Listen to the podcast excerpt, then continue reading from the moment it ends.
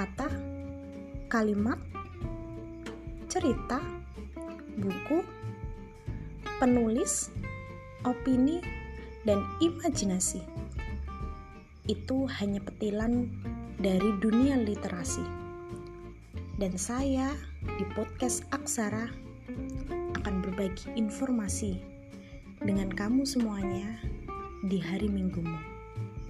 Selamat menikmati.